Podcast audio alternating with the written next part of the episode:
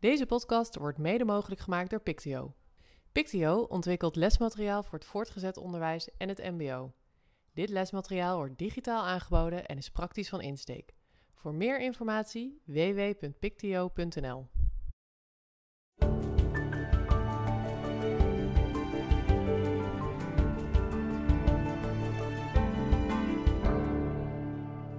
Welkom weer bij de Pictio Onderwijs Podcast, de podcast over onderwijs in de breedste zin van het woord. En we hebben weer een Teacher Tab aflevering, de achtste inmiddels alweer.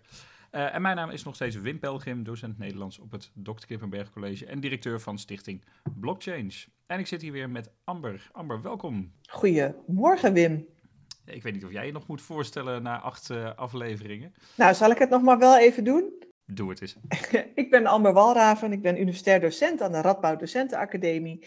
En in mijn onderzoekstijd uh, houd ik me vooral bezig met de app TeacherTab en daarom uh, zit ik hier. We hebben uh, gekeken weer naar de laatste paar blogs, want hè, deze podcast koppelen we altijd aan een van de blogs. En er waren in de laatste twee blogs hebben jullie vragen gesteld over werk-privé-balans onder andere.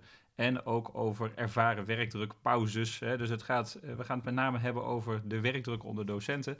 Um, en we gaan zorgen dat het geen hele klagerige podcast wordt, want uh, dat kunnen docenten soms ook heel goed, zoals wij dat allemaal in Nederland volgens mij heel goed kunnen. Um, maar vooral kijken, hè, wat, wat gebeurt er nu? Want dat uh, kun je volgens mij bij TeacherTab goed zien. En wat is jou het meest opgevallen in die, in die resultaten? Nou, ik denk dat ik vooral eigenlijk um, de balans tussen werk en privé interessant vond. Daar hebben we een aantal vragen over gesteld. We hadden daar ook een vraag ingediend van een van een deelnemer aan TeacherTab. En dat vind ik eigenlijk altijd het allerleukst, want ik wil graag de vragen stellen waar zeg maar, leraren zelf ook graag het antwoord op willen uh, weten. Uh, dus we hebben iets gevraagd over de balans tussen werk en privé. Bijvoorbeeld, wanneer doe je nou over het algemeen je niet onderwijzende taken? Uh, want hè, leraren geven natuurlijk les, maar dat is het niet alleen als je leraar bent. Daar komt nog heel veel bij kijken. Voorbereiding, hè, afronding, toetsing, nakijken, um, gesprekken met ouders en dat soort dingen. En daar moet je ook uh, tijd voor hebben. en er zijn mensen die dan denken, dat doe je toch van 9 tot 5. Maar zo werkt dat in het onderwijs um, niet. Dus we hebben gevraagd, wanneer doe je dat nou? En als we kijken naar bijvoorbeeld mensen in het primair onderwijs die doen dat heel vaak aan het eind van uh, schooldag over het algemeen. Nou, dat is eigenlijk ook wel te verklaren, want hè, de, de scholen gaan, nou ja, ergens ligt, er, eraan welk rooster je hebt. Tussen twee en half vier, zeg maar, gaan de leerlingen naar huis. En dat is dan de tijd dat de mensen daarna nog hun niet-onderwijzende taken kunnen doen een flink deel, 44% van de 400 leraren ongeveer, doet dat toch ook nog wel thuis in de avond of vroeg in de ochtend op school, dus voordat de leerlingen uh, er zijn. Als we kijken naar het voortgezet onderwijs, uh, daar zit 82% van de 375 leraren, die doet dat tijdens de lesvrije uren. Kijk, in het voortgezet onderwijs heb je niet van ochtends tot middags achter elkaar les. Soms heb je uren tussendoor. Nou, dan doen heel veel leraren hun uh, niet onderwijzende taken. En toch wel ruim de helft ook weer thuis in de avond. En ook tijdens het weekend. Dus daar hebben we een beetje naar gekeken. En um, uh, we hebben dat gecombineerd van wanneer doe je dat nou met heb je nou een goede balans tussen mijn werk en privéleven? Want uh, sommige mensen vinden het misschien prettig om s'avonds te werken, om smiddagstijd te hebben om de kinderen van school te halen, te eten met de kinderen en dat soort uh, zaken. Dus dat je s'avonds werkt, betekent niet dat je meteen een slechte uh, balans hebt. Dus wij wilden daar de combinatie eens naar kijken. En wat we daar zien, is dat uh, mensen die zeggen: um, Ik heb een goede balans, daar ben ik het mee eens. over het algemeen hun taken ook aan het eind van de schooldag of tijdens die lesvrije uren doen. Mensen die zeggen: Ik heb geen goede balans, die zitten toch wel vaak thuis in de avond en tijdens het weekend te werken. Dat is niet 100%, maar er ligt wel een lichte tendens dat mensen die zeggen: Ik heb geen goede balans, die werken thuis in de avond en tijdens het weekend. Ja, en, en, en heel herkenbaar ook. Hè, dat, inderdaad, hè, ik heb zelf ook twee jonge kinderen, dus dan inderdaad hè, soms uh, smiddags eerder naar huis om te zorgen dat er iemand naar de pianoles kan of dat soort zaken. En hè, zeker, zeker in een gezin waar, waar wij zitten met twee ouders in het onderwijs. En dan race ik soms naar huis om uh, weer thuis iets te doen, zodat mijn vrouw naar haar MR kan of dat soort zaken. Dus dat is toch uh, zeker, zeker als je jonge kinderen hebt, is dat uh, een belangrijke factor om toch wat vaker ook in de avond of de weekenden wat te doen. En, en probeer jij daar dan ook, probeer jij je werk en privé dan ook op een bepaalde manier te scheiden? Nee, maar ik, ik ben ook van het type mens dat eigenlijk niet echt stil kan staan. Ik bedoel, als ik een, een paar weken niks te doen heb, verzin ik wel een project om mezelf bezig te houden. Dus ik, in die zin kan ik moeilijk stilzitten en niks doen. Um, maar ik, ik, herken in die zin wel de, de, de, het, het, verband dat er lijkt te zijn tussen de mensen die het, het werk echt niet uit kunnen zetten. Ik, bedoel, ik kan ook heel goed zeggen van ja, nou, nu doe ik echt even iets anders. En een deel denk ik van mijn werk-privé-balans is ook dat ik meerdere projecten doe en dus eh, een ander project eventjes naar achteren kan schuiven en met iets anders bezig kan gaan, hè, dan verzet je eigenlijk ook je zinnen. Alleen dan niet met uh, hardlopen of uh, piano spelen, maar met iets anders. Hè, dat, met, een, met een ander project. Dus wellicht dat dat in dezelfde lijn ligt. We hebben gevraagd aan onze deelnemers aan TeacherTap op welke manier probeer jij werk en, en privé te scheiden. En de mensen die eigenlijk aangeven dat ze een goede balans ervaren, die zeggen bijvoorbeeld, nou, na een bepaalde tijd werk ik gewoon niet meer. Of ik maak onderscheid in wat ik meteen beantwoord en wat ik uh, laat liggen. Of ik, ik verstuur geen berichten meer na een bepaalde tijd of in mijn vakantie. Ja. En de mensen die zeggen ik heb geen goede balans, die doen dat toch in mindere mate. Ik grappig vond, maar die stond nog niet in jullie blogs, maar die stuurde je al wel vast voor dit gesprek naar mij toe. de vraag over het paasweekend. we heb je in het paasweekend gewerkt. Um, die vond ik heel herkenbaar, want je ziet daar in het primair onderwijs dat 66% zegt nee, ik heb in het paasweekend niet gewerkt. Um, maar in het voortgezet onderwijs is dat maar 45%. Dat is echt de laagste van alle onderwijssoorten. Um, maar ik zei al uh, straks in het voorgesprek ook even tegen jou. Hè, vandaag, uh, we nemen 22 april op, moeten de schoolexamencijfers naar DUO. Dus alle examenleerlingen, daarvan moet het complete examendossier er zijn. En pas dan mogen ze ook op examen. En sinds uh, Limburg een paar jaar terug weten we ook dat dat echt wel heel erg de bedoeling is. Um, dus uh, ja, daar zit inderdaad, uh, hè, als je het over werkdruk en piekmomenten hebt, is dit wel even een piekmoment hè, waarop alle losse eindjes en leerlingen die nog wat open hebben staan of een toets die nog even ingehaald moest worden, ja, die moet dan dit weekend nagekeken worden. Um, en ik weet zelfs van één leerling die, bij wie het profielwerkstuk opnieuw moest en die heeft uh, twee, in twee weken tijd nog een heel profielwerkstuk gemaakt. Ja, dat moet wel serieus nagekeken worden. Dus ja, zo zijn er ehm, ik denk voor het voortgezet onderwijs, dit weekend is het mooi weekend geweest om eens zo'n onderzoek te doen. Ja, inderdaad. Ik heb het er daar niet op uh, gepland, maar en we vragen wel eens vaker, uh, heb je tijdens het weekend gewerkt? En nu dacht ik, nou, dit paasweekend is, is kijken hoe het daarmee zit. Maar ik hoorde inderdaad van leraren, hè, er was een toetsweek geweest.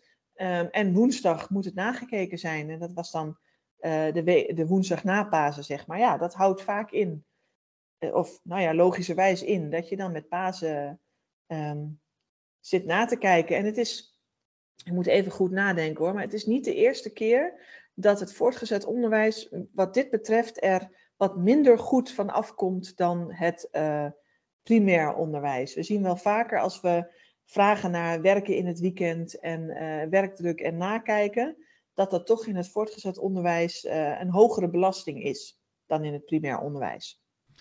En heb je ook reden om aan te nemen dat, dat daar een, een, een belangrijke reden onder ligt? Of dat daar um, iets is wat, wat in het systeem zit wat we wellicht anders moeten doen met elkaar? Nou ja, als je kijkt naar het verschil, hè, in het primair onderwijs hebben leraren natuurlijk meerdere klassen uh, die meerdere toetsen krijgen. En in het primair onderwijs heb je één klas over het algemeen. wordt er denk ik minder getoetst Um, of in ieder geval uh, minder toetsen die, die een uh, leraar na moet kijken. Ehm, de boeken worden wel eens nagekeken. Hebben we het met Wietse ook wel eens over gehad. Het nakijkwerk wat je doet, het schriften controleren. Maar ik denk dat, daar, dat er inherent zeg maar, meer nakijkwerk in het voortgezet onderwijs zit. En daar zou je natuurlijk met z'n allen wel eens over na kunnen denken. De, de kennis die we nu hebben over formatief handelen en um, kijken naar waar staat een leerling en waar moet hij heen. Uh, hoeft niet altijd te betekenen dat jij altijd alles nakijkt. Je kan leerlingen dat ook zelf uh, laten doen. Um, elkaar feedback geven. Um, heb je genoeg aan één vraag die je tijdens een les zou kunnen stellen? Of moet dat inderdaad elke keer met een schriftelijk iets waar je tien dingen uh, vraagt en waar je dus ook 30 keer 10 of misschien wel als je vier klassen keer 30 keer 10 uh, moet nakijken? Ja. Ja, het, het, het idee van hè, als we niet uh, regelmatig schriftelijk overhoren, dan gaan ze toch niet aan het leren. Dus het ook als een soort pressiemiddel om die puber aan het werk te zetten. Um, dat is de, denk ik ook een heel erg ingebakken idee. In ieder geval bij discussies over toetsing inderdaad, bij ons in school ook. Hè, dat vakken die gewoon zeggen van ja, maar als ik niet hè, moderne vreemde talen elke, elke twee weken een woordjesoverhoring doe, gaan ze nooit die woordjes leren. Ja, dan, dan hou je jezelf ook aan het werk. De leerlingen worden er, weet ik uit eigen ervaring, heel calculerend van. Want als je twee overhoringen goed hebt gedaan, kun je daarna een keer een overhoring of een toets wat slechter maken. Want ja, hè, gemiddeld kom je toch wel op die zes uh, uit als je uh, zo naar je onderwijs kijkt. Ja, jullie hadden ook gekeken naar um, de relatie tussen ervaren werkdruk en pauze. Eerst heb ik hè, hoe heb je de werkdruk ervaren in de afgelopen maand? Nou, dat, dat, er waren weinig mensen die laag of zeer laag invulden, laten we maar zeggen. Um, maar dan de relatie, tot, de relatie tot pauze. Dat vond ik wel een hele mooie wat, daar, uh, wat daar uitkwam. Uh, we hebben gevraagd, uh, heb je tijdens schooltijd een pauze? En dit gaat dan wel even over het primair onderwijs in deze resultaten. want in het primair onderwijs um, hebben we verschillende soorten roosters. Hè? We hebben traditioneel rooster waar, je, waar leerlingen echt een middagpauze hebben. Maar we hebben ook continu rooster waar je eigenlijk uh, op school uh, eet. En soms zorgt dat ervoor dat uh, leraren geen pauze meer hebben tijdens schooltijd, omdat ze altijd de verantwoordelijkheid voor de um, leerlingen hebben. Dus als we kijken naar de combinatie tussen hoe heb je de werkelijk ervaren en heb je zelf tijdens schooltijd een pauze. Nou, de mensen die geen um, pauze hebben tijdens schooltijd, die ervaren meer uh, werkdruk. En de uh, mensen die wel een pauze hebben, die ervaren nog steeds werkdruk. Maar de mensen die zeggen uh, laag of zeer laag, die vallen allemaal in de categorie van mensen die wel een pauze hebben. Dus dat is opvallend. En um, we hebben ook gevraagd tussen de combinatie.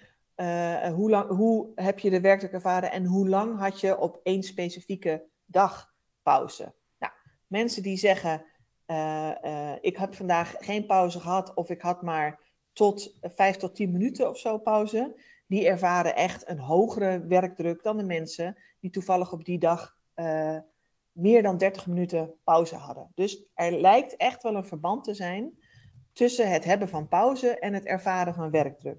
Betekent niet dat als je pauze hebt, dat je dan geen werkdruk ervaart. Dat zien we ook. Maar heb je wel pauze, dan is de, uh, die, de groep leraren die daarin zegt: Ik heb gemiddeld of lage werkdruk, die, die zit in die groep die wel een pauze hebben.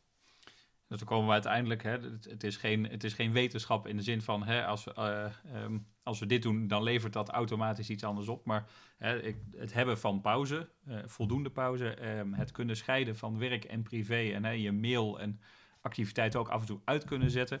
Dat zijn dan toch twee belangrijke adviezen die we eigenlijk uit deze uh, resultaten kunnen halen. En die de luisteraars uh, misschien ook wel kunnen gebruiken in hun dagelijks leven.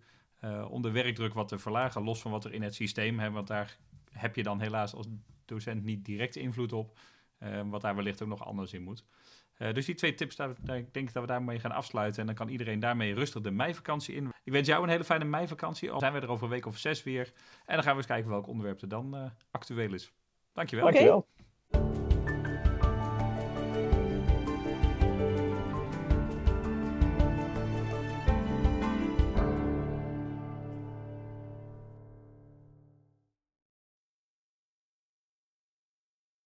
Deze podcast wordt mede mogelijk gemaakt door Pictio. Voor meer informatie www.pictio.nl.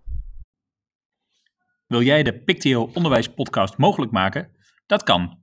Ga naar www.vriendvandeshow.nl slash pictio-onderwijspodcast en doneer maandelijks een bedrag of eenmalig. En daarnaast kun je ook een aflevering of meerdere afleveringen van onze podcast sponsoren.